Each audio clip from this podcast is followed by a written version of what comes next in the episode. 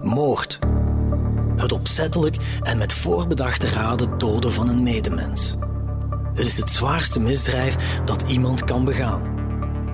We zijn er op een akelige manier door gefascineerd. Hoeveel romans, films en andere verhalen behandelen dit duistere thema? Helaas is moord niet altijd fictie. Integendeel. Er wordt gedood uit passie of jaloezie, uit wraak, lust, voor geld of botweg uit haat. In deze reeks analyseren we verschillende ophefmakende Limburgse moorddossiers, van plaatsdelict tot veroordeling. En gaan we op zoek naar de motieven die in het verknipte hoofd van de dader zijn gruwel rechtvaardigen. Ik ben Geert op Teinde en dit is Van Moord tot Verdikt. Episode 3 Bloedbad in Bilzen. Het is zondag 14 maart 2010. De lente is in zicht, maar dat is niet het enige waar politieinspecteur Eddy Strijkers naar kan uitkijken. Eddy is immers net 55 geworden en als ex-rijkswachter staat hij op een jaar van zijn pensioen. Maar daar is de toegewijde agent nog niet mee bezig. Integendeel, hij denkt eraan om nog enkele jaren verder te doen. Maar Eddy zal zelfs geen dag meer werken, want nog deze zondagochtend zal het leven van de sociale en behulpzame Eddy Strijkers een tragisch einde kennen. Ik ben Jenny Vliegen en ik ben de weduwe van Eddy. Nooit geen rijkswachter. Ik heb dat altijd gezegd. Ik trouw nooit met een rijkswachter, omdat... Ja, ik kom er niet mee om toen mijn broer erbij was, toen had ik ook zo van... Deze karakter was helemaal veranderd. En uh, ja, dan kwam mijn broer langs met de combi, maar Eddie en mijn broer werkten samen in de herderen. En zo had Eddie mij een paar keer gezien. En een keer naar Vroenhof gegaan en mijn moeder was erbij. Ja, zat daar, ik had een fluitje gedronken komt de garçon af. Wat drinken voor meneer? Nog één, ja. En zo een paar gedronken. En zo zijn we in contact gekomen bij elkaar. En dat is zo gebleven. En we zijn op bejaardheid getrouwd. En niet vermoeden, hè. En die was een echte levensgenieter. Hij hielp iedereen. Als er iets was, stond hij klaar. En Eddie was ook wel een persoon die altijd zo... Ik zal het oplossen. En dan deed er ook zo gebaren met zijn armen zo van... Schuif, schuif, ik ga het oplossen. Zo'n persoon was het wel. Ik ben Strijkers Erwin en ik ben ook de zoon van Eddie. Ja, mijn vader was uh, zeer correct eigenlijk. Uh, het is zo en niet anders. Hij was er voor, voor iedereen. Hè? Dus je, je kwam niks tekort, je moest maar vragen en hij sprong direct ook voor iedereen. Hij was een, lieve man. Hè? Mijn vader was echt, echt... Ja, ik zou geen ander willen wensen. Hè? Dus uh, ja... Mijn vader was altijd een wat, wat als hij je kon, kon voor de zot houden of echt kon plagen, dan deed hem dat. Hè? Ja. En wat ik ook wel mis is eigenlijk een persoon, vooral nu, uh, voor steun, raad, advies. Uw vader, dat is niet te vervangen natuurlijk. Hè. Dat mis ik nu wel enorm. Hij was ook altijd klaar voor werken te gaan. Praktisch nooit ziek. Sloeg niet over. Moest er iemand vervangen worden, ja, dan deed hij het.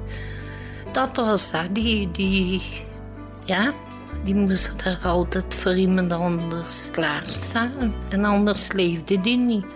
Nee, nee, hij wou zeker niet op pensioen. Hij wou, hij wou zeker, aan mijn vader wou graag eh, blijven doorwerken. Al was hem op pensioen, hij wou gewoon niet stilvallen en de mensen blijven helpen en steunen en alle dingen doen. Zodat hij met mensen kon helpen, ja. Eddie is verjaard de 2 maart. Hij was 55 geworden. Ik zit aan een half. Ik zeg nog tegen hem, laat ons open. Hè. Maar hij wou niet op pensioen gaan, want er was één jaar te vanaf. Dan was er op pensioen. Maar uh, zolang als ik kan zitten, doe ik verder. Er was geen mens voor thuis te zitten. En nu mis ik dat wel. Die had altijd zijn warmte wat hij uitstraalde. En ik denk dat iedereen dat voelde bij Eddie. Dat mis ik. Uh, en ook dat er hier uh, niet meer rondloopt. Dat mis ik ook. Eddy werkt op de afdeling interventie van politiezone Bilze-Hoeselt-Riemst en die zondagochtend heeft hij weekenddienst.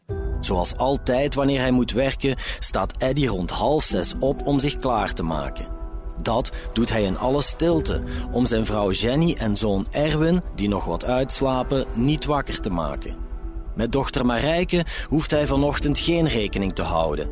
Zij is die nacht bij haar vriend blijven slapen.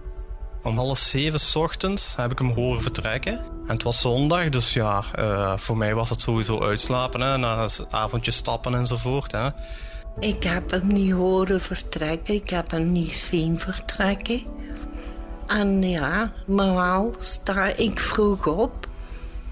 En die dag, die zondag, had ik zoiets... Ja, ik moet niet opstaan en ik ben terug omgedraaid. En om half negen, zo rond half negen, schiet ik me wakker. Zo, alsof ik val in bed. Ik denk, wat is dat nu? Echt zo een shock wat ik kreeg. En ik draai me even terug om, maar ik kon niet meer slapen. En ineens kregen we de deurbel op zondag.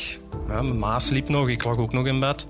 Maar vlak daarna werd er opnieuw gebeld. En toen was ik toch aan de ramen kijken gegaan. En ik zag daar een, een combi staan. En dan, weet je nog goed, eh, de zwarte of zo'n donkere Volvo Break.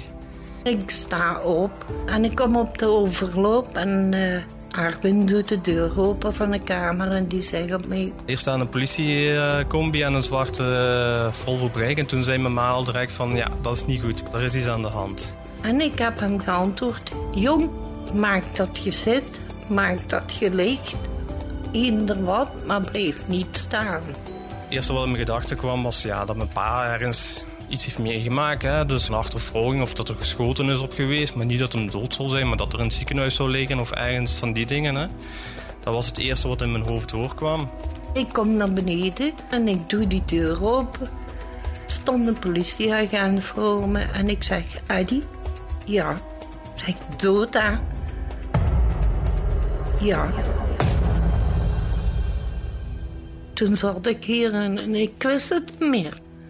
Ik wist het niet meer. De grond was onder mij weg.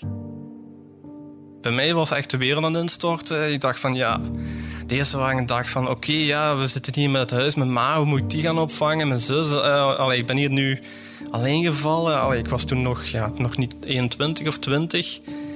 Uh, in alle paniek van, van, van, van dingen waar ik eigenlijk niet zorgen moest over maken. Maar ja, chaos in mijn hoofd. Hè? Van, van hoe moet nu verder? Uh, financieel, hoe moet, moet nu mijn mama gaan? En, en mijn zus, ja, nu ben ik de man des huizes. Was ik ook al aan het denken, ja, hoe moet ik dit gaan doen? Uh, er kwamen heel veel dingen op mij af waar ik eigenlijk niet moest voor zorgen maken of panikeren. Ja. ja. En dan was het een overrompeling. Hier in, uit, in, uit. En ik vond dat zo aardig dat ik niet even de vrijheid kreeg om alleen te zijn, om het uit te schreeuwen. Dat vond ik aardig. Ik had zoiets, ik moet het kwijt, ik moet het kunnen uitschreeuwen af. Maar ik heb me moeten inhouden. Enfin, moeten. Ik heb ingehouden.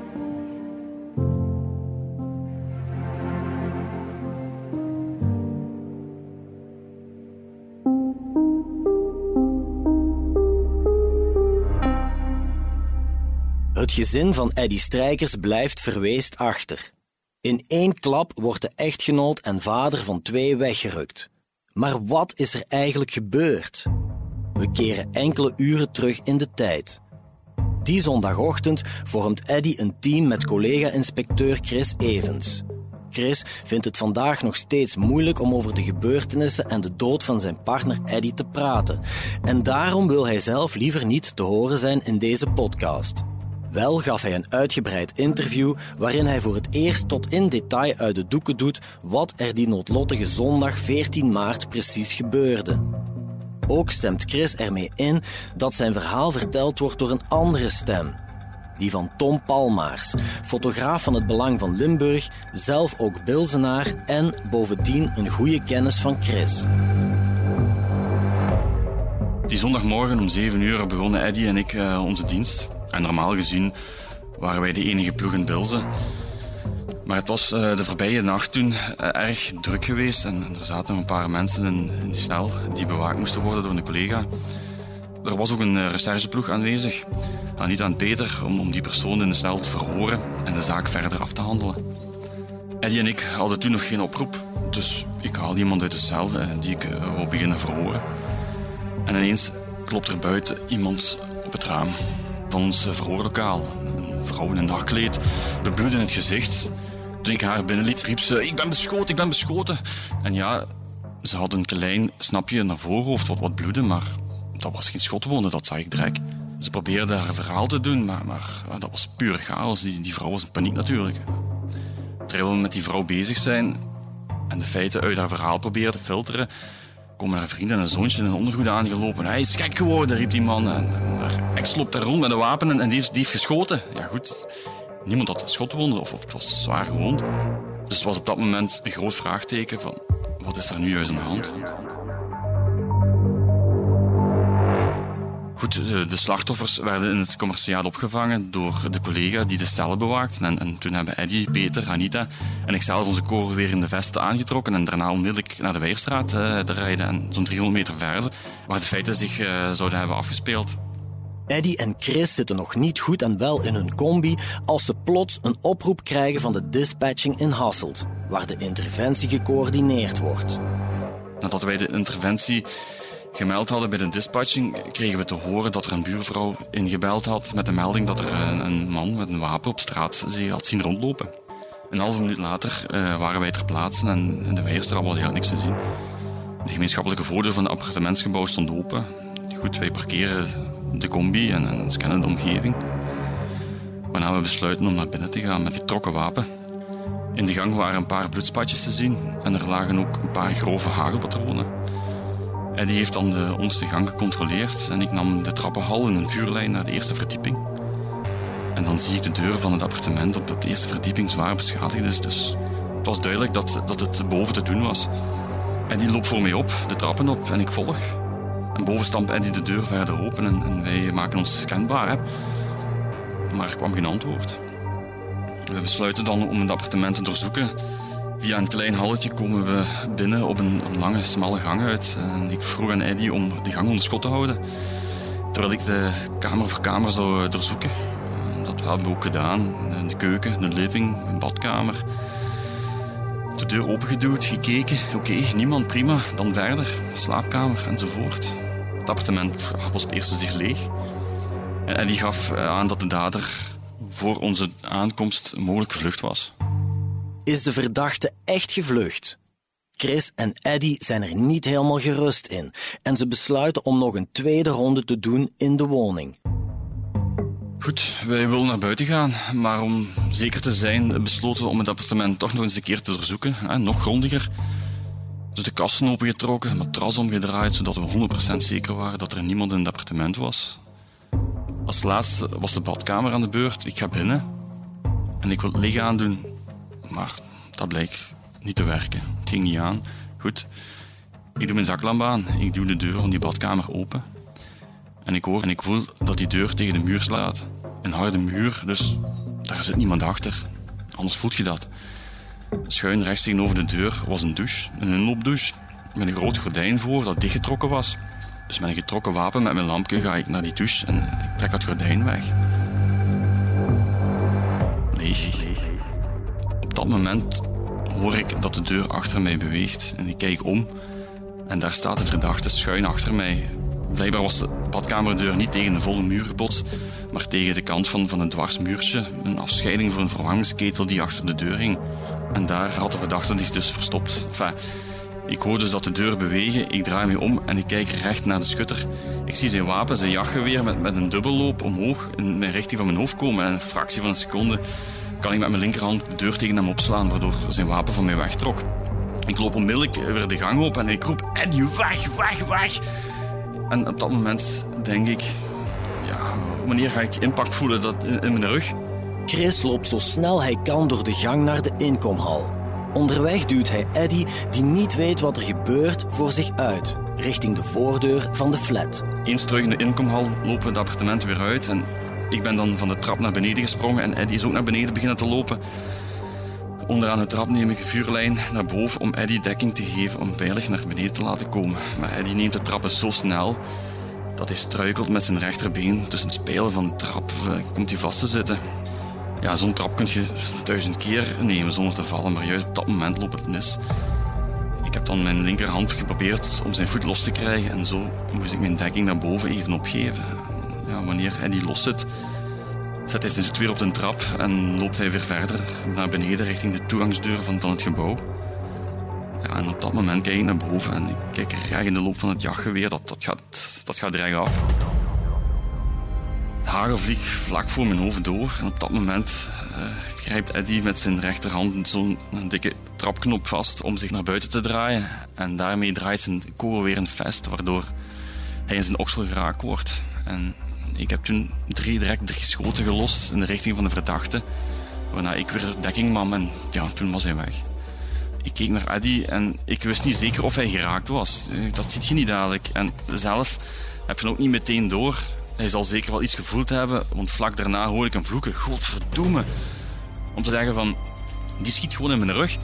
Peter en Hanita, de twee rechercheurs die samen met Eddie en Chris naar de Weijerstraat waren gereden, horen de schoten. En in een fractie van een seconde snelt Peter zijn gewonde collega Eddie te hulp. Collega Peter en Anita waren buiten naar de verdachten aan het zoeken. Want we wisten natuurlijk eerst niet of hij binnen of buiten was. En toen ze de schoten hoorden, stond Peter net aan de gemeenschappelijke voordeur van op de gelijkvloers. Heeft Eddie dan vastgepakt en toen zei hij, ik ben geraakt, ik ben geraakt. En Peter heeft Eddie dan toch nog een meter naar, naar buiten getrokken. En daarna is hij in elkaar gezakt.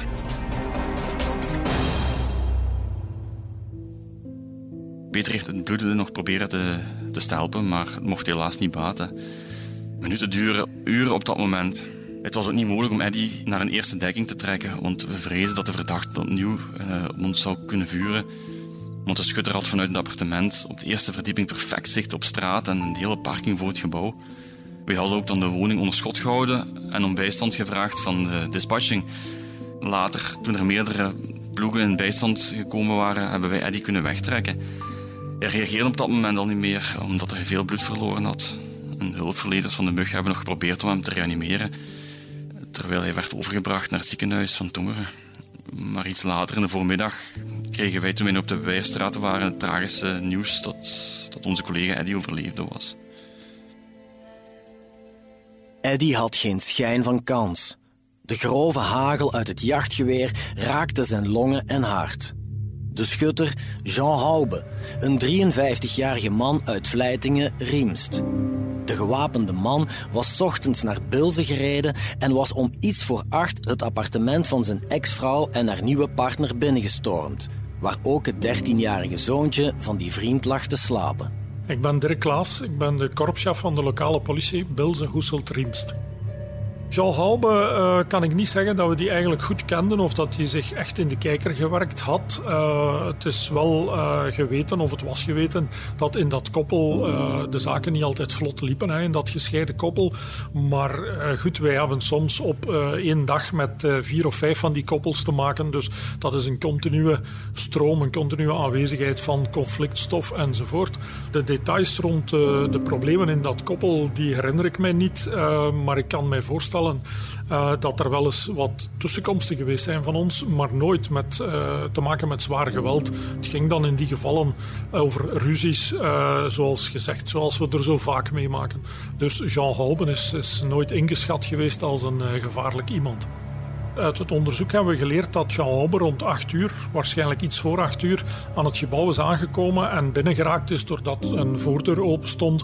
Hij is dan uh, naar het appartement op de eerste verdieping gegaan en hij heeft dan met het geweer het slot van de deur kapotgeschoten. Ondertussen hadden uh, zijn ex en haar nieuwe vriend zich met uh, diens zoon verschanst in de slaapkamer de deur op slot gedaan. En hij heeft daar uh, de deur geforceerd om binnen te geraken. Dan is een schermutseling ontstaan, waarbij op een bepaald ogenblik dat geweer op de grond gevallen is. Uh, er is wel geslagen, ook zijn ex is in dat gevecht geraakt geweest met dat geweer, maar met de kolf of met de loop. Dus er is maar één schot gevallen op dat ogenblik binnen uh, om die deur te openen. En Uiteindelijk is zij als eerste kunnen vluchten, is zij het appartement ontvlucht en is zij richting het commissariaat gelopen zonder stoppen en uh, heeft zij hier haar verhaal gedaan, uh, heel verward en uh, meer in shock eigenlijk dan in normale toestand. Terwijl de feiten zich afspelen, wordt korpschef Dirk Klaas ervan op de hoogte gebracht dat Eddy is neergeschoten. Onmiddellijk spoedt hij zich naar de Weijerstraat om zijn inspecteurs bij te staan. Ik ben zelf ter plaatse gekomen. Ik woon ook vlak bij de plaats van de feiten. Ik ben verwittigd en ik was hier op uh, anderhalve minuut of zo. En uiteindelijk was de dokter Eddie aan het reanimeren, uh, of toch een poging daartoe aan het doen toen ik toekwam. Maar onmiddellijk toen ik toekwam, ik ken die dokter ook persoonlijk, liet hij mij al weten van dit is hopeloos, dit is te zwaar gewond. Ja, dat is onwezenlijk. Je, kunt u dat proberen voor te stellen tot als je daar middenin zit. Dan krijg je warm en koud tegelijk. Uh, dan uh, snakt je naar adem. Achteraf hebben we gezien en met de dokters vastgesteld dat hij geraakt was net boven zijn kogelwerende vest, onder de arm, in de opening eigenlijk in de kogelwerende vest om uw arm door te steken. En uh, de, het jachtpatroon, eigenlijk uh, heel grove hagel, dat is uh, volledig door zijn longen en zijn hart gegaan. Dus hij was op twee, drie seconden na, was hij na het schot overleden.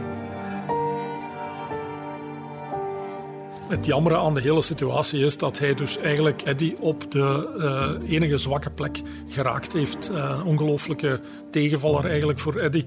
Want als hij uh, twee of drie centimeter lager geraakt was, dan was dat op dit ogenblik een man die waarschijnlijk genoot van zijn pensioen en zijn kleinkinderen.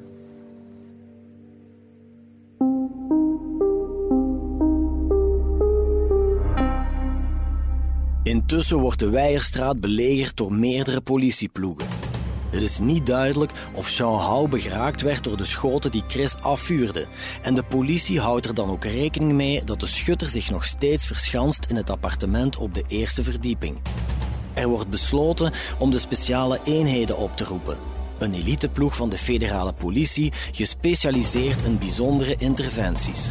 Dat vertelt korpschef Dirk Klaas. Via onze meldkamer in Hasselt was ondertussen het eh, speciaal interventie-eskadron uit Brussel opgeroepen, omdat Chris wel geschoten had naar Jean Haube, maar wij niet wisten of die geraakt was of niet. En wij zijn dan ervan uitgegaan, zoals het hoort, dat hij nog steeds in het appartement zat, verschanst met dat wapen. Uiteindelijk is dan de interventie van het CI uh, daartussen gekomen. Die mensen hebben de hele voorbereidingen getroffen en zijn dan naar het appartement gegaan waar men dan vaststelde dat hij in de toegangsdeur op zijn rug lag en dat hij geraakt was in de borststreek.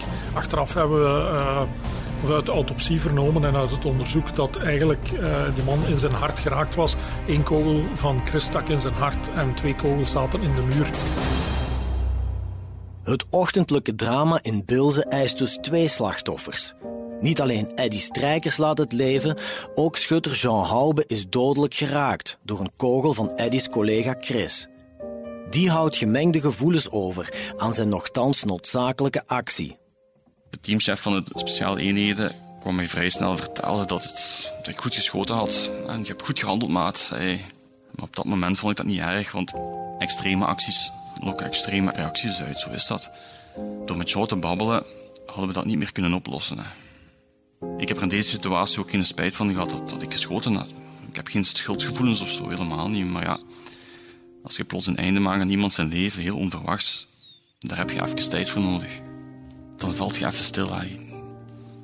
Je wordt op zo'n moment ook zelf het onderwerp van een gerechtelijk onderzoek, omdat door uw actie een doden is gevallen. Ja, dat is logisch misschien, maar moeilijk te vatten op dat moment. Weet je, ik ben heel loyaal. Iemand die altijd regeltjes volgt. Ik ben in leven drie keer geflitst en daar voel ik me dan ook een paar dagen slecht van. En, maar hier is een dode geval en niemand gaat mij een papiertje geven en zeggen: Dit is uw bewijsje van dat je goed gehandeld hebt. Dat is iets.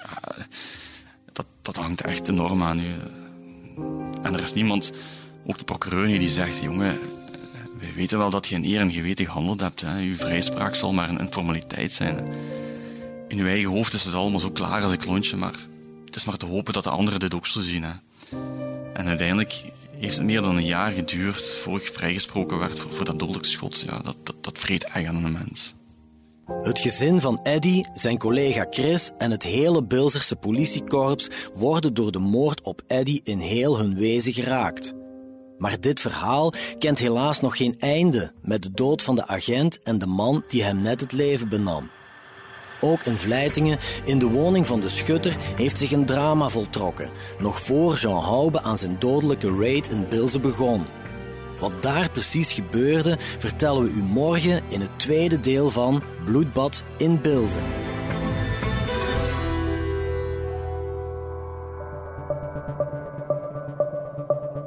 U luisterde naar Van Moord tot Verdikt, een true crime reeks van HBVL Podcast. Samenstelling door Geert op Teinde, Nancy van de Broek, Philippe Perges en coördinator Cato Poelmans. Montage en audioproductie door Wart Houbrechts. Chef podcast is Geert Nies. Reageren? Dat kan via podcast@hetbelangvanlimburg.be. Ben je nog geen abonnee? Surf naar aboshop.hbvl.be en kies je leesformule.